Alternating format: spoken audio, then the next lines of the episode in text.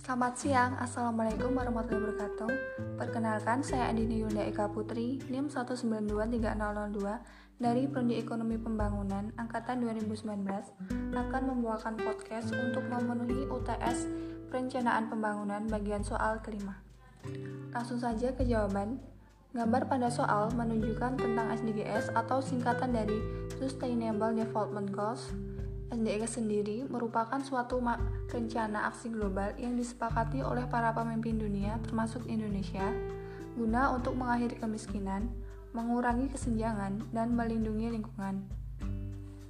SDGs ini berisi 17 tujuan seperti yang terpampang pada gambar di soal, serta 169 target yang diharapkan dapat dicapai pada tahun 2030. Berdasarkan riset yang telah dilakukan terkait tentang kesiapan Indonesia untuk mencapai tujuan SDGs pada tahun 2030, menjelaskan bahwa pada setiap wilayah di Indonesia memiliki tantangannya tersendiri.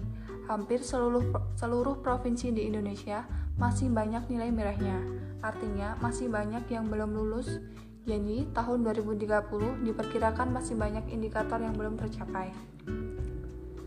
Ketimpangan menjadi salah satu tantangan terbesar di antara provinsi maju di Indonesia. Sedangkan untuk wilayah perkotaan menghadapi tantangan besar dalam hal pengangguran, lingkungan, serta ketimpangan dari sektor pendapatan maupun pendidikan.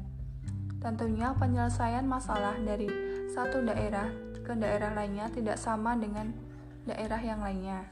Setiap pemerintah daerah harus memiliki komitmen menyusun prioritas penyelesaiannya sendiri-sendiri. Nah, itu tadi jawaban UTS Perencanaan Pembangunan soal nomor 5 dari saya. Bila ada kesalahan kata mohon maaf. Sekian, terima kasih. Wassalamualaikum warahmatullahi wabarakatuh.